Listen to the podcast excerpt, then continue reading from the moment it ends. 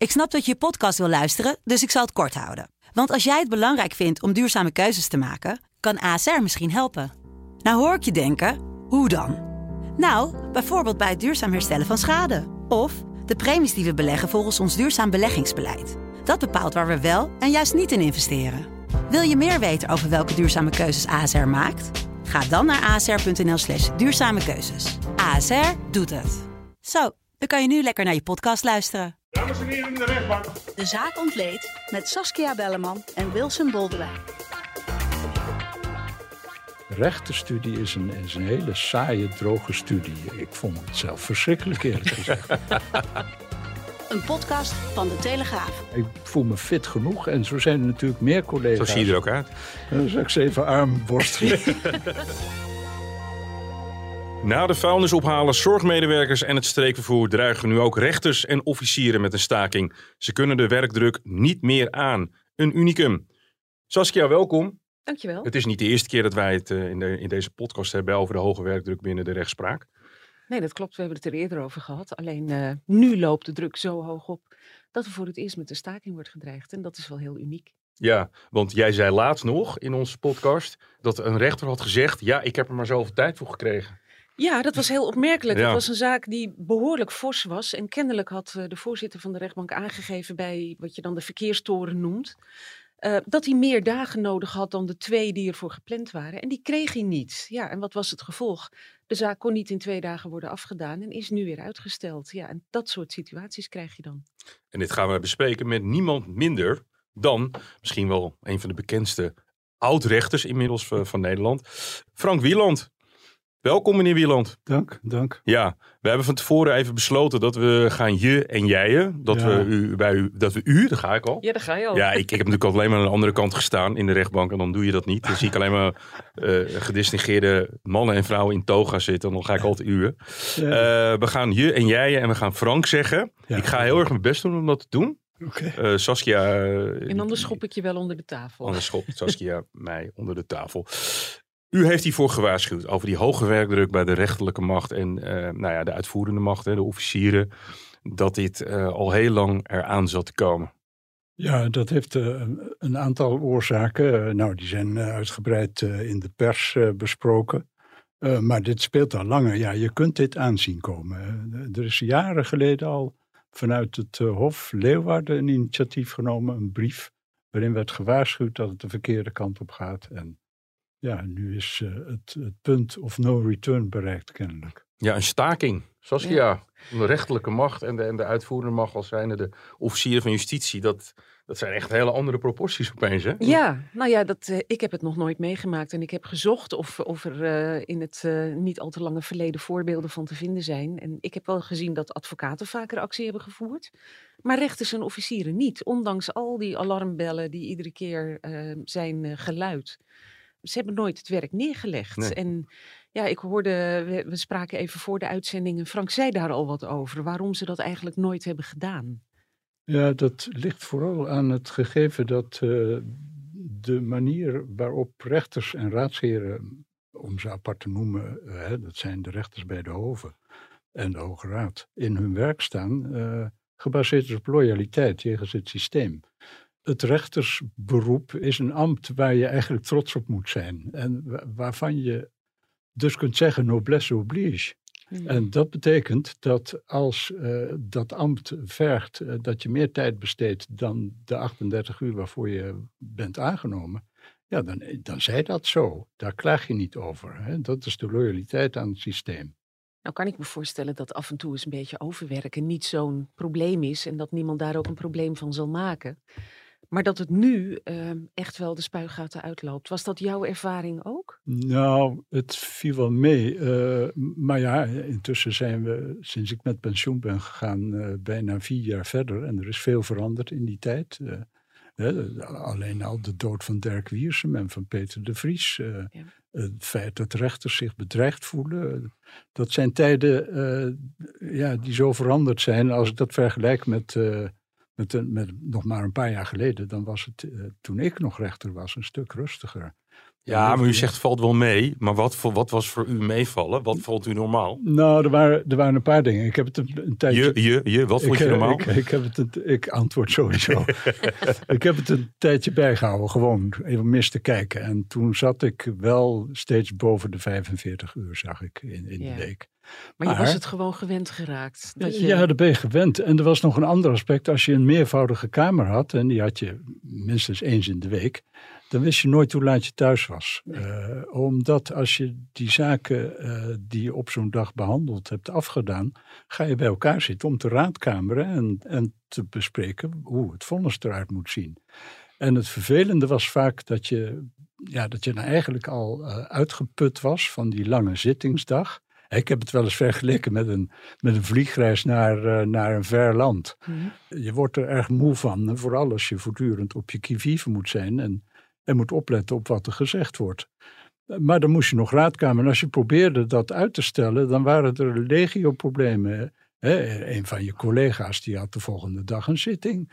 De secretaris die zei, ja nee, ik moet mijn MK van volgende week voorbereiden. Er was altijd iets en als je dan ging schuiven, dan kwam je vaak in het probleem in de zin dat er te weinig tijd was om nog een concept te schrijven en dat langs al die rechters te sturen om dat te beoordelen. Dus je ontkwam er gewoon niet Dus je aan ontkwam er niet aan om direct na de zitting te raadkameren. En ja. ja, dat betekende dus dat je eigenlijk nooit een afspraak kon maken op zo'n avond. Ja. Maar, maar eigenlijk hoor, hoor ik je zeggen dat in jouw tijd eigenlijk ook al het ontzettend complex was. Om al iedereen gelijk te krijgen op, op gelijke hoogte. Ja, er was al duidelijk een tendens dat zaken ingewikkelder werden, dat eh, de inzet hoger werd, eh, dat we te maken kregen met zwaardere eh, vormen van eh, criminaliteit. En eh, ja, dat trok zijn wissel.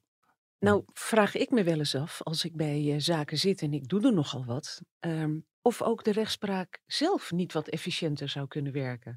Of er geen oplossingen te bedenken zijn die de werkdruk misschien ook kunnen verminderen binnen de rechtspraak zelf. Ik weet, er zijn externe factoren. Rechters gaan met pensioen, er zijn er te weinig, de zaken worden gecompliceerder. Dus er moet steeds meer mankracht en tijd worden ingezet. Maar zou het misschien ook nog efficiënter kunnen? Mm, Dat denk ik wel. Ja, toen eh, een tijdje geleden een politicus, eh, een, een, een, lid van de Tweede Kamer, zei: de rechtspraak die moet zich beter organiseren. Toen dacht ik: hallo, eh, ga eerst je eigen partij organiseren. Maar later dacht ik: ja, wacht eens, maar er zijn wel mogelijkheden.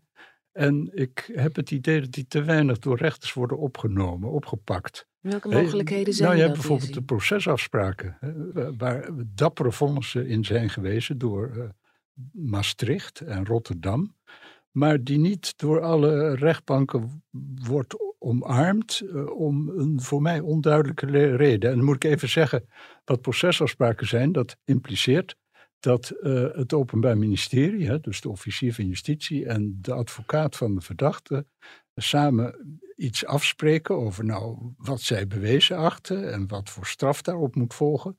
En dat als een afspraak presenteren aan de rechtbank.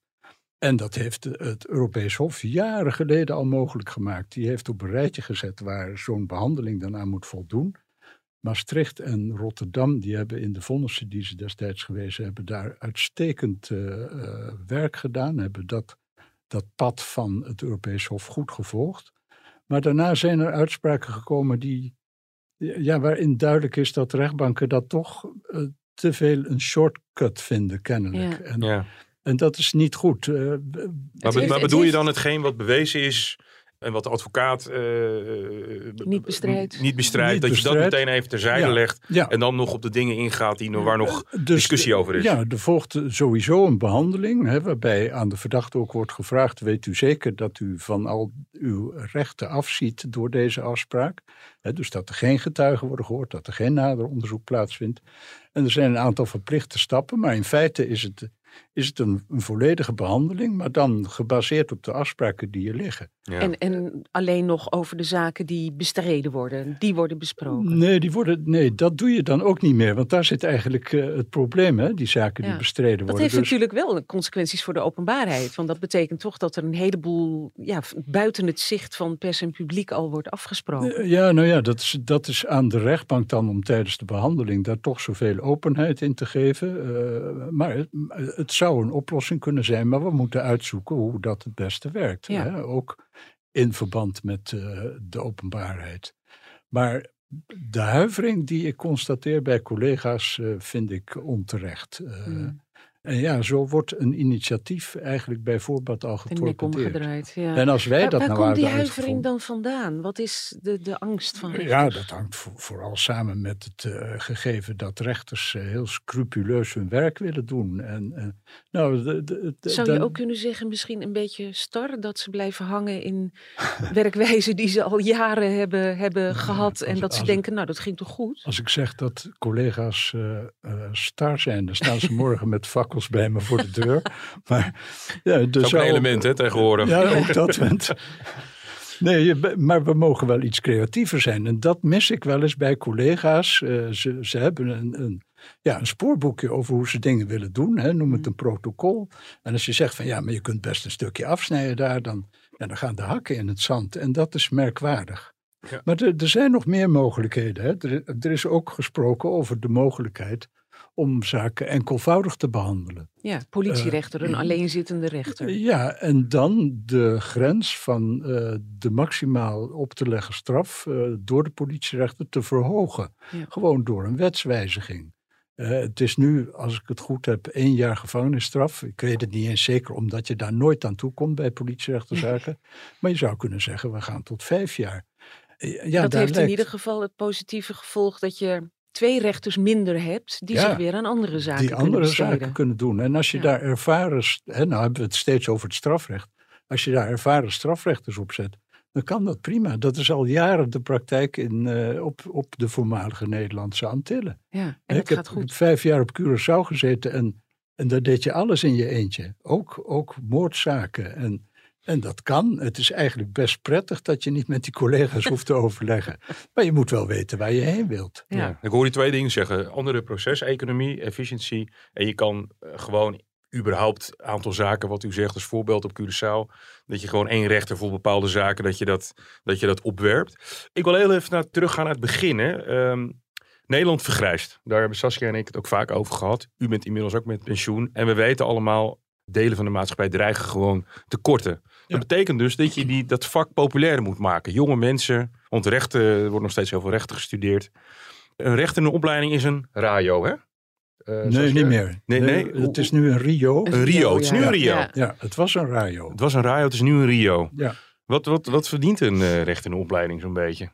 Nou, dat, toen ik dat nog eens nakeek onlangs, toen viel mij dat een beetje tegen. Eh, eh, en eh, ja, dat steekt eigenlijk nauwelijks af bij advocatensalarissen voor beginnende advocaten.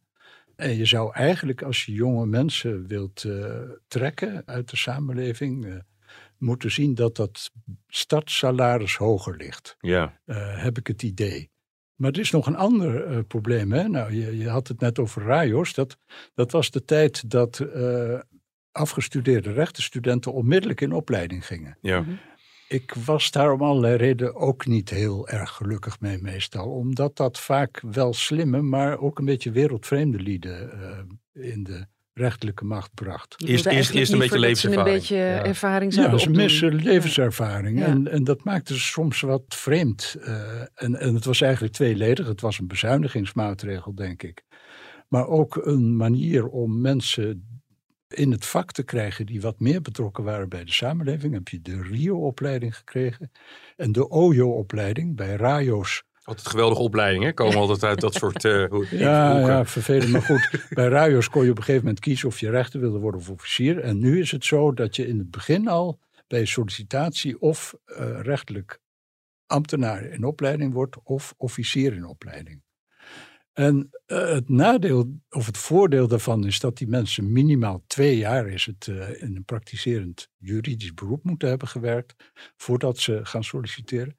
Maar twee jaar is eigenlijk heel kort. Ja. Eh, en, en de kans is groot dat je, zeker als je in de advocatuur gaat, dat je zegt, ja, maar ik wil eerst mijn stageverklaring hebben. Dan moet je minstens drie jaar werken. Mm. En dan kun je nog overstappen later, maar tegen die tijd ben je medewerker geworden als advocaat. En dan zit je aanmerkelijk hoger dan het beginsalaris voor een rechter in opleiding. Dat gat moet je dichten, Ja, denk ik. En hoe zou je dat kunnen doen? Hoe kun je, hoe kun je meer rechters erbij krijgen op niet al te lange termijn? Nou, door jonge juristen eh, eh, te wijzen op uh, de carrière-mogelijkheden, op de voordelen, uh, door betere betaling te beloven. Misschien zelfs een kortere opleidingstraject. Hè. Ho hoewel het zo is dat als je langer buiten de rechterlijke macht hebt gewerkt in een juridisch beroep, bijvoorbeeld zes jaar, dan wordt je opleiding op de rechtbank aanmerkelijk korter. korter ja. Dus daar zit sowieso winst. Maar het is hoe dan ook een heel lang traject. Als je jonge rechters wilt, wilt aantrekken voordat ze ook daadwerkelijk uh, in de praktijk aan de slag kunnen, ja, ben je jaren Nou, dat valt verder. mee. Nee, want je kunt best vrij snel in de praktijk aan de slag. Of als politierechter of als jongste rechter bij een eenvoudige kamer. Maar er zijn mogelijkheden. Je wordt eigenlijk onmiddellijk aan de ploeg gezet. En ja, uh, ja je, je kunt dus vrijwel uh, ongehinderd kun je je vak uitoefenen. Mm. Dat maakt het heel aantrekkelijk. Nou heb ik ook de indruk dat heel veel mensen, um, als er al een probleem is, meteen de neiging hebben om naar de rechter te stappen om een, een oordeel te krijgen. Daar ja. lijkt mij ook nog wel wat winst te behalen. Je zou zeggen dat, dat de rechter is niet altijd de oplossing. Misschien moet je ook zoeken naar andere wegen. Hoe zie jij dat? Uh, ja, dat denk ik wel. Uh, de, uh, nou, dan, dan moet ik onmiddellijk denken aan mediation, ja. Ja. waarbij je om de tafel gaat zitten als twee partijen die ruzie hebben met elkaar en, en in handen van een mediator tot een oplossing probeert te komen. Maar het is ook een beetje de, de teneur in de samenleving. Hè?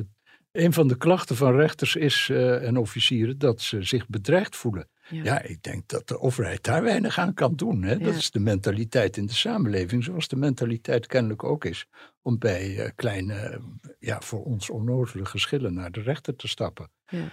Ik merkte dat overigens ook uh, als politierechter dat, dat je steeds meer zaken ziet waarvan je denkt, ja kom op zeg, doe me nou lol, los het zelf op. Moet ik daar mijn tijd aan besteden? Kun je een voorbeeld noemen van zo'n zaak waarvan je dacht, ja, nou, ja dat is mee? altijd gevaarlijk. Maar ik had bijvoorbeeld, uh, ja, wat je regelmatig zag, wat veiliger, wat, wat anoniemer, is dat mensen die een relatie hadden ruzie hebben. Er wordt wat kapot gegooid, hè, er wordt een, een laptop door de kamer geslingerd. Hup, aangifte doen bij de rechter. En ja.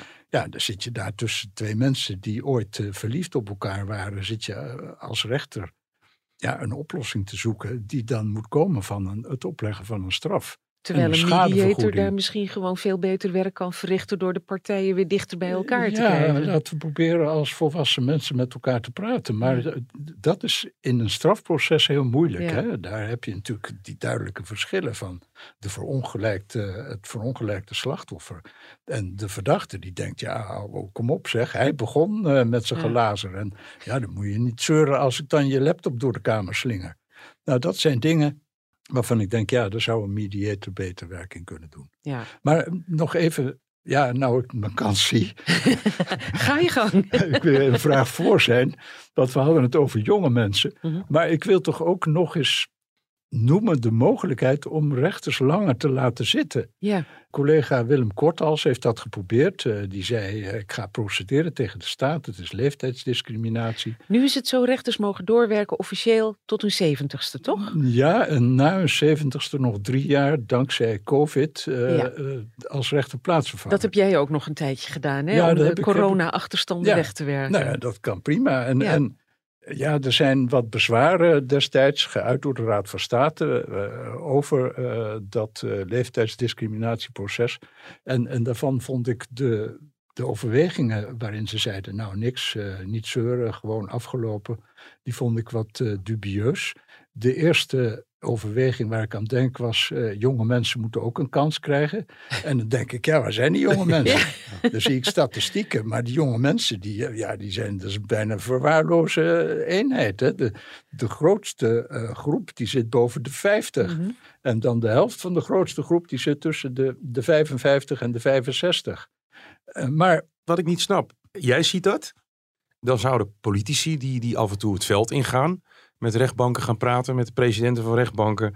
Dan, dan krijg je toch een gesprek van, eh, jongens, meisjes, ik, we hebben een probleem over tien jaar als we naar de statistieken ja, kijken. En we moeten misschien toch iets doen aan die leeftijdsgrens. Want ja. bij jou viel toen je 73 werd, definitief het doek. Want dat was de afspraak binnen die, die noodmaatregel, zeg maar, die het Ja. mogelijk maakte dat je wat langer doorwerkte. Ja, Dat was tot je 73ste en Ja. toen was het klaar. ja.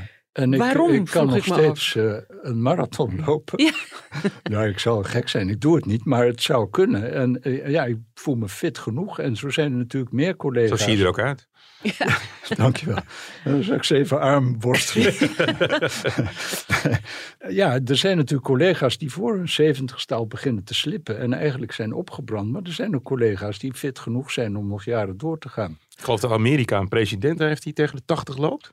Nou ja, daarom zou je zeggen, waarom moet je daar zo star mee omgaan? Nee, in waarom veel- zou je in- dat niet wat flexibeler In maken? heel veel landen kun je nog jaren doorgaan. En, en eh, onze gerespecteerde collega eh, Floris Bakels, die eh, schreef pas nog een brief eh, naar de NRC, zag ik, waarin die zegt, maak het 80 jaar. Ja, En ik weet toch wat de schroom is. Het bestuur en de Raad voor de Rechtspraak wellicht ook, besturen van rechtbanken, die zijn doodsbang dat die, dat die oude rechter eh, in slaap valt tijdens de zitting. Nou, als je een plaatsvervanger maakt en je zegt, nou luister, we, we stellen jou eens in de week op en dan doe je een zitting. eh, eh, dan zit je als rechter bij een meervoudige kamer of je zit als politierechter. Maar we gaan je wel volgen. En vergeef het ons dat als wij vinden dat je toch langzaam maar zeker begint te slippen, dat we ophouden met je op te stellen. Hoe eenvoudig is dat? ja. Ja, Nou had de Raad van State in het proces tegen Willem eh, van, moet ik zeggen, eh, Willem Kortals, nog een ander bezwaar. En dat was dat ze zeiden, ja maar als je ouder wordt en je bent dan afhankelijk van dat bestuur eh, in hoeverre je langer kunt blijven zitten, dan ga je naar de ogen van dat bestuur Ja. kijken en dan ben je niet meer onafhankelijk. En dan denk ik, ja, kom op zeg, ik moest een paar keer kijken voordat ik begreep wat daar überhaupt stond. En dan ben je 30, 40 jaar rechter geweest Ja. en dan word je plaatsvervanger. En dan ga je eens kijken naar het bestuur ineens. Van, oh, wat willen jullie eigenlijk van mij? Willen Ja. jullie dat ik hoger straf? Oh, dan ga ik me hoger straffen, anders mag ik niet meer komen. Ik vond het echt een flauwekul argument. Echt onzin. Het leek mij ook nogal alsof je rechters die ouder zijn niet meer voor vol aanziet. Op de een of andere manier sprak dat een beetje uit Nou ja, die het- uitspraak, het- vond ik. Die, die, die senioren die kunnen buitengewoon waardevol zijn. Ja. En, en die kunnen allerlei zaken doen. Ook opleidingen voor hun rekening nemen van jongere rechters. Waar ze uitstekend werk kunnen doen. Maar nu het nog, nog één ander ding wat een beetje hiermee samenhangt. Eh, we hebben uitstekende secretarissen. En ik heb jaren geleden al gezegd, maak die secretarissen rechter plaatsvervangen. Die kunnen dat prima doen. Sommige secretarissen... legt u, nog, legt u heel even uit voor de kijker die dat niet Oh, weet. de luisteraar moet ik zeggen, een secretaris is. Secretaris is een juridisch medewerker, hè, wat we vroeger de griffier noemden. En dat is de man of vrouw die tijdens de zitting opschrijft wat er wordt gezegd. En die uiteindelijk ook het concept vonnis maakt. Want dat doen die rechters bijna nooit. Hè. Die, die hebben daar de secretaris voor. En dan gaan die rechters die gaan dat concept van die secretaris beoordelen. En dan uiteindelijk heb je een vonnis. Hè, met aanvullingen, wijzigingen. Maar die secretarissen, dat zijn vaak uitstekende eh, juristen. Hè? Dat, zijn, dat zijn afgestudeerde rechtenstudenten. En die worden geselecteerd op wat ze kunnen. En het zijn uitstekende kandidaten om rechter te worden. En die deur moeten we opengooien. Ja. Hè? En waar bij het parket, hè, het Openbaar Ministerie, juristen worden aangetrokken die een toekomst wordt voorgespiegeld. Van nou, als het goed gaat met je werk hier, dan hebben we dat en dat voor je in petto. En dan kun je uiteindelijk officier van justitie worden. Die hebben dus gelijk een belofte. En die hebben een punt aan de horizon. Maar bij die jonge juristen die secretaris worden op de rechtbank wordt gezegd: ja, we kunnen je niks beloven. Dus wat doen die mensen? Die blijven drie, vier jaar zitten. En dan gaan ze de advocatuur en dan worden ze met, arm, met breide armen ingehaald. Dus Waarom is dat? Is, is dat omdat men het idee heeft binnen de rechtspraak van ze moeten gewoon dat officiële traject doorwandelen? Terwijl het hier gaat om mensen die dus vrijwel dagelijks zittingen doen. Ja, het is een geweldig reservoir van waardevolle kandidaten. Ja. En die moet je dus aan je binden. En als je ze eenmaal kwijt bent in de advocatuur, dan komen ze niet gauw meer terug. Hè. Daar hebben we het over gehad. Dan zitten ze binnen de kortst mogelijke tijd op een interessant jaarsalaris. Ja, ja, zie ze dan nog maar eens terug te krijgen. Dan moet je wel heel idealistisch zijn. En wat is dan die reserve binnen de rechtspraak om, dat, om die deur open te gooien? Ik heb geen idee. Ik, ik kan eigenlijk niets verzinnen. Is het Eh, niet gewoon een te, te formeel instituut? Die langs te formele lijnen. Er zijn tradities opgebouwd. Er hè? zijn regels. Sommige landen heb je zelfs nog een pruik op, bij wijze van spreken. En Ja. dat hou je zo. Dat is Nou ja, onder- nee, ik zou me nog voor kunnen stellen dat je zegt, nou misschien is het niet goed als Klaas of, of Sonja de ene dag griffier zijn en de week daarop als rechter zitten. Maar je zou wel kunnen zeggen, we maken het voor jou mogelijk als, als er wederzijds eh, belangstelling is om je in een andere rechtbank verder op te leiden en, in je, en je in een andere rechtbank plaatsvervanger te maken. Maar ook daar geldt wat mij betreft eh, dat je niet ja, die koudwatervrees moet hebben om het eens over een andere boeg te gooien. Die mogelijkheden zijn er ruim, denk ik. de star dus.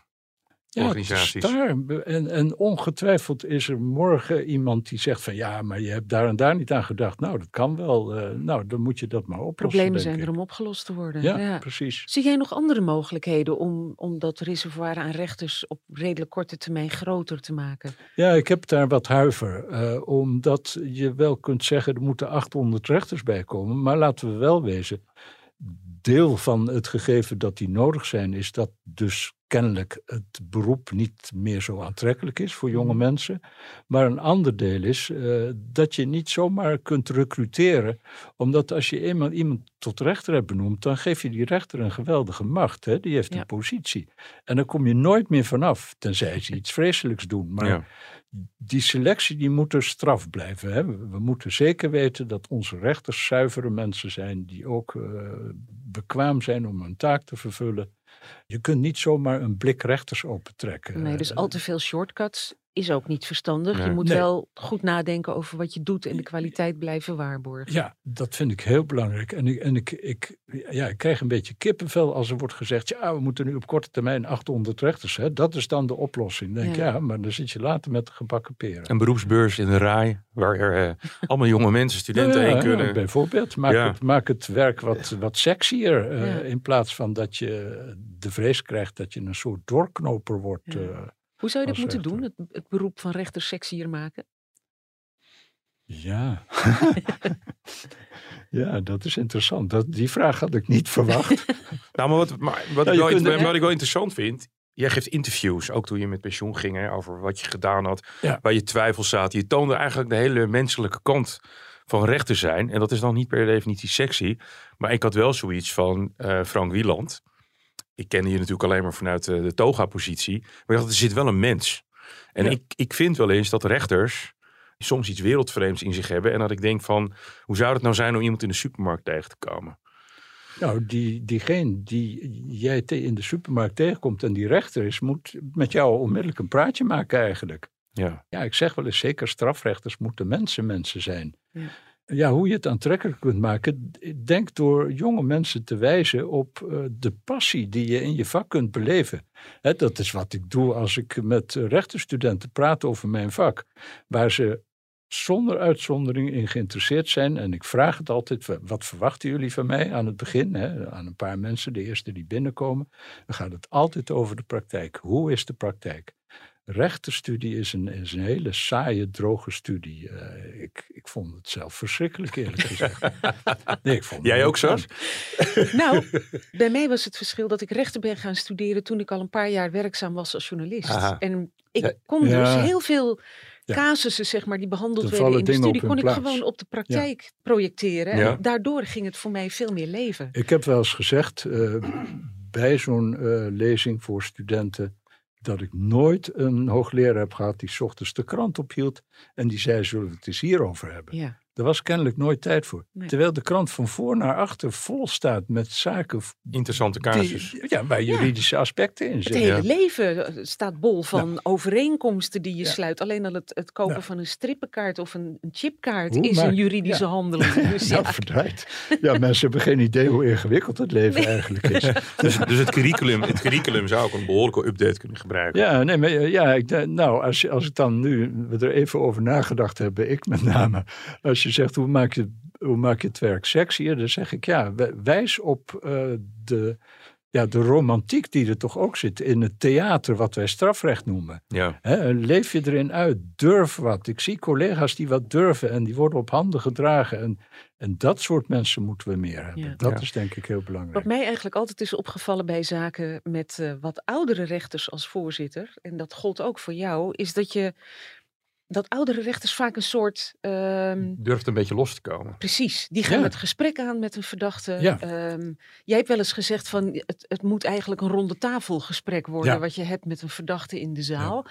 Ze komen wat meer los van de regeltjes en de structuren en gaan meer het gesprek aan. Het, het leiden van zo'n zaak gaat veel soepeler vaak. Ja, ja. En dan gaan ze met pensioen. Ja, dat is heel jammer. Hè? Nou, dan hebben we het weer over de wenselijkheid om, om het mogelijk te maken om rechters langer te laten zitten. Ja. Hè, uiteindelijk worden ze voor het leven benoemd. Maar het leven gaat maar tot 70 kennelijk, en, of tot Als rechter, ja. 73. Nou, er zijn veel mogelijkheden. Nou, tot slot. Ja, ik begin een beetje het heft in handen te nemen. Ja hoor, ga je gang. Kom Tot slot- Je lijkt net oplossingen. een rechter wat dat betreft. Ja, ik wil een rechter, ja.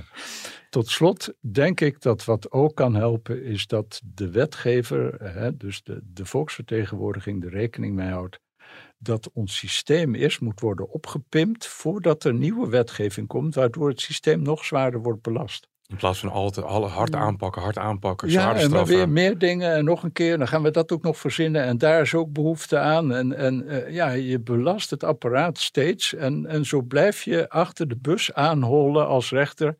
En elke keer als je hem bijna hebt, gaan de deuren weer dicht eh, en rijdt hij naar de volgende halte. En, en ja, dat is een onwenselijke situatie. Maar als je daarover praat met eh, parlementariërs, ja, dan is er een onthutsend begrip aan, aan eh, Gebrek aan moet ik begrip, ja. eh, gebrek aan begrip over hoe onze dagen eruit zien. Ja. Hè?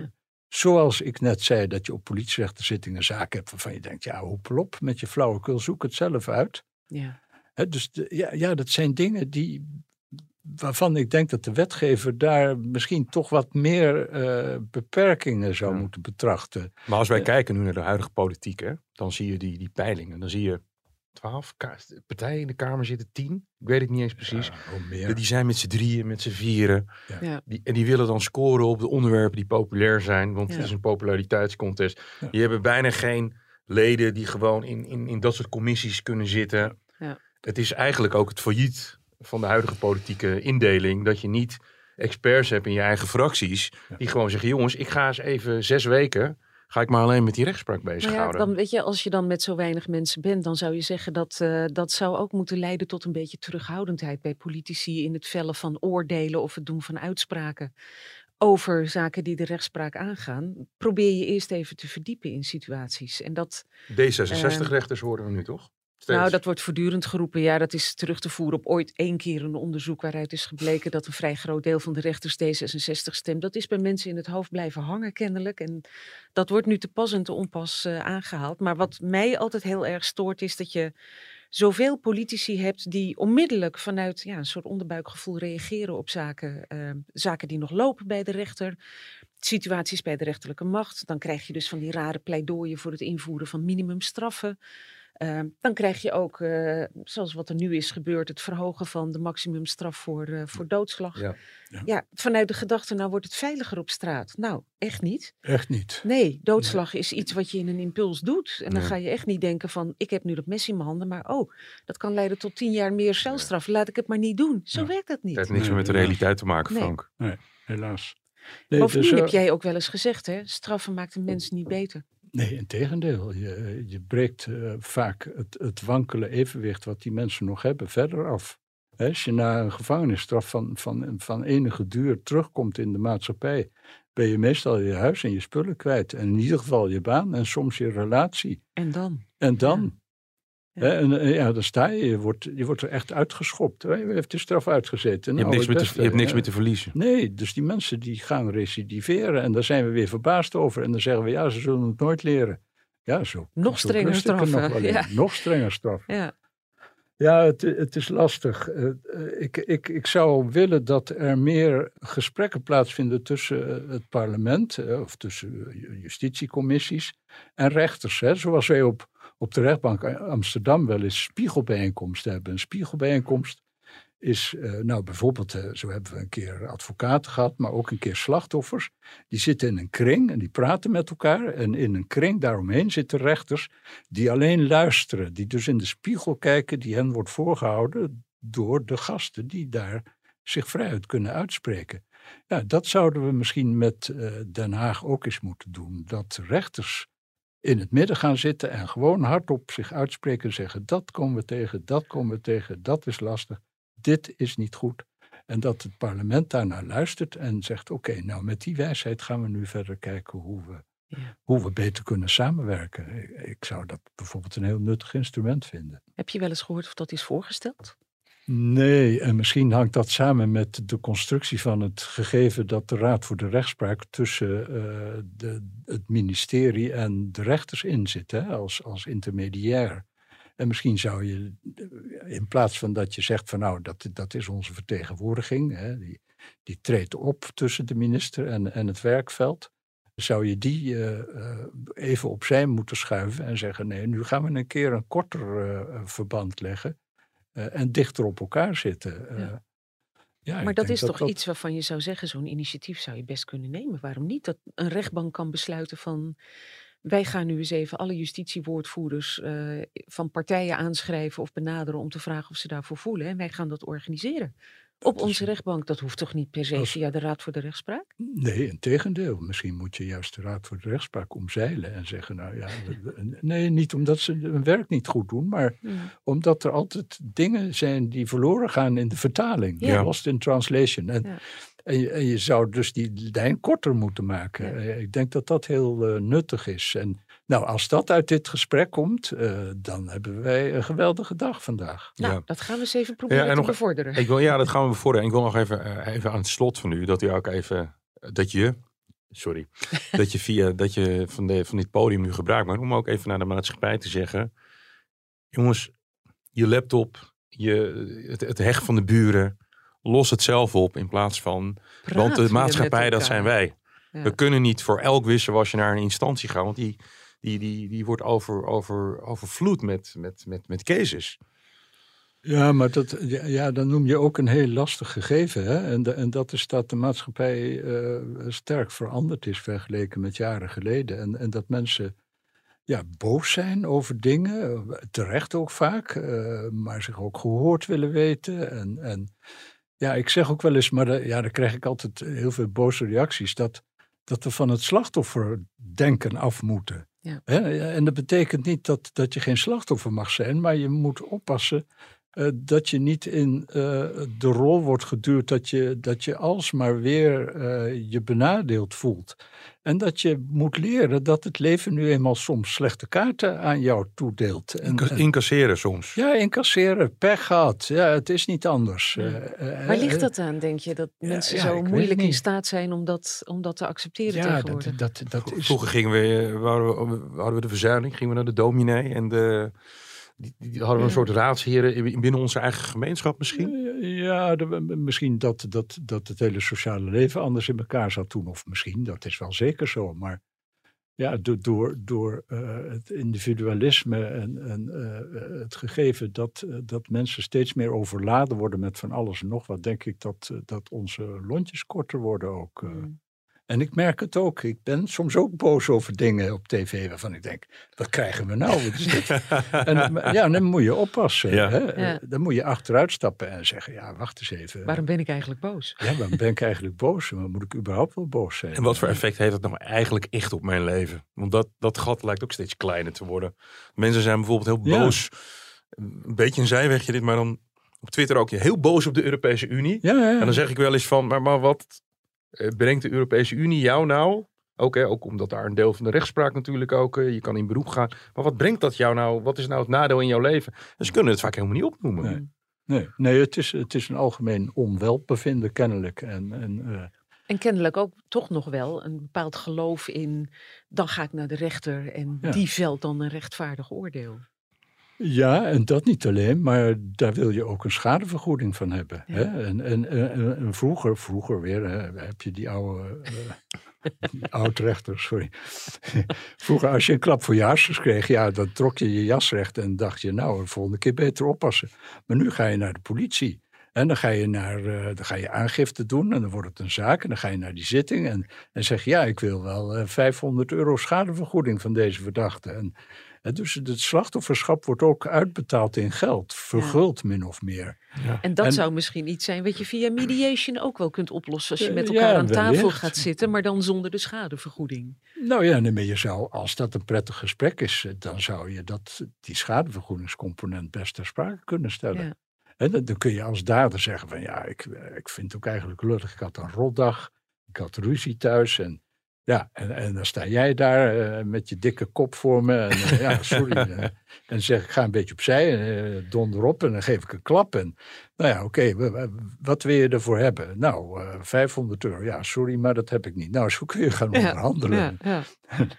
Ja, Ja. het Maar dan ben je in ieder geval weer met elkaar in gesprek. En dat ben je tijdens een rechtszaak eigenlijk Nee, niet. in tegendeel. Daar worden de, de verschillen alleen maar uitvergroot Ja. eigenlijk. Hè? Want die verdachte die wordt veroordeelde, eh, die krijgt een straf. en, en naast die straf moet hij jouw schade vergoeden. En, en ja, die schadevergoeding is een erkenning van jouw slachtofferschap. hè. Dus je, ja, je wordt zo mogelijk nog meer slachtoffer.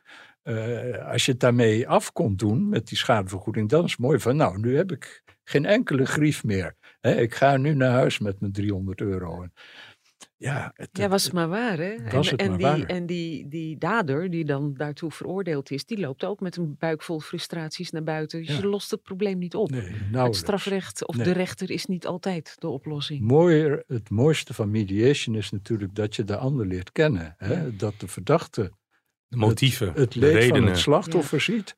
En dat de, de, het slachtoffer een beeld krijgt van de verdachte. En denkt, oh ja, ruzie met je vrouw. Ja, dat heb ik ook al eens. Ja. Ja, vervelend. Hè, en, en dat je Herkenbaar. elkaar Het is daar geen vindt. monster, maar het is ook gewoon iemand die het Ja, even tegenzat ja, in het een leven. vent, iemand die een rotdag had. eh, nou, dat komt voor. En, en Ja. zo herken je eh, situaties in elkaar. eh, en ja, kun je elkaar uiteindelijk de hand reiken als het goed is. Ja. Mogen we dit een beetje afronden met ehm, de rechters moeten aan hun efficiëntie denken. Er Ja. zitten in de proceseconomie zitten nog kansen. Het, het vak moet sexier worden. Hè? Jonge mensen, er moet eens wat vaker een krant omhoog worden gehouden. Vinden wij natuurlijk ook prettig bij de. Telegraaf. Vooral de Telegraaf dan omhoog houden bij colleges. Maak het wat eh, herkenbaarder.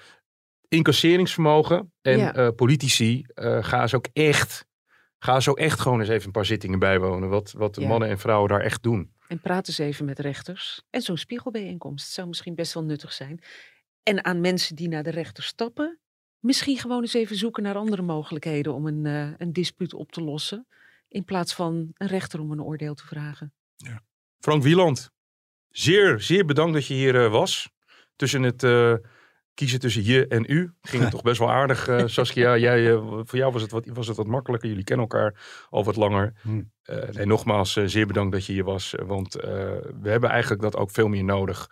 Eh, rechters, oud-rechters die ook weer naar buiten komen en ook laten zien dat ze gewoon mensen zijn met al hun onzekerheden en twijfels, maar ook ideeën over hoe het anders moet. Saskia, bedankt. Graag gedaan. Dit was de zaak ontleed voor deze keer. Vindt u dit een eh, leuke podcast? Laat u dan een recensie achter.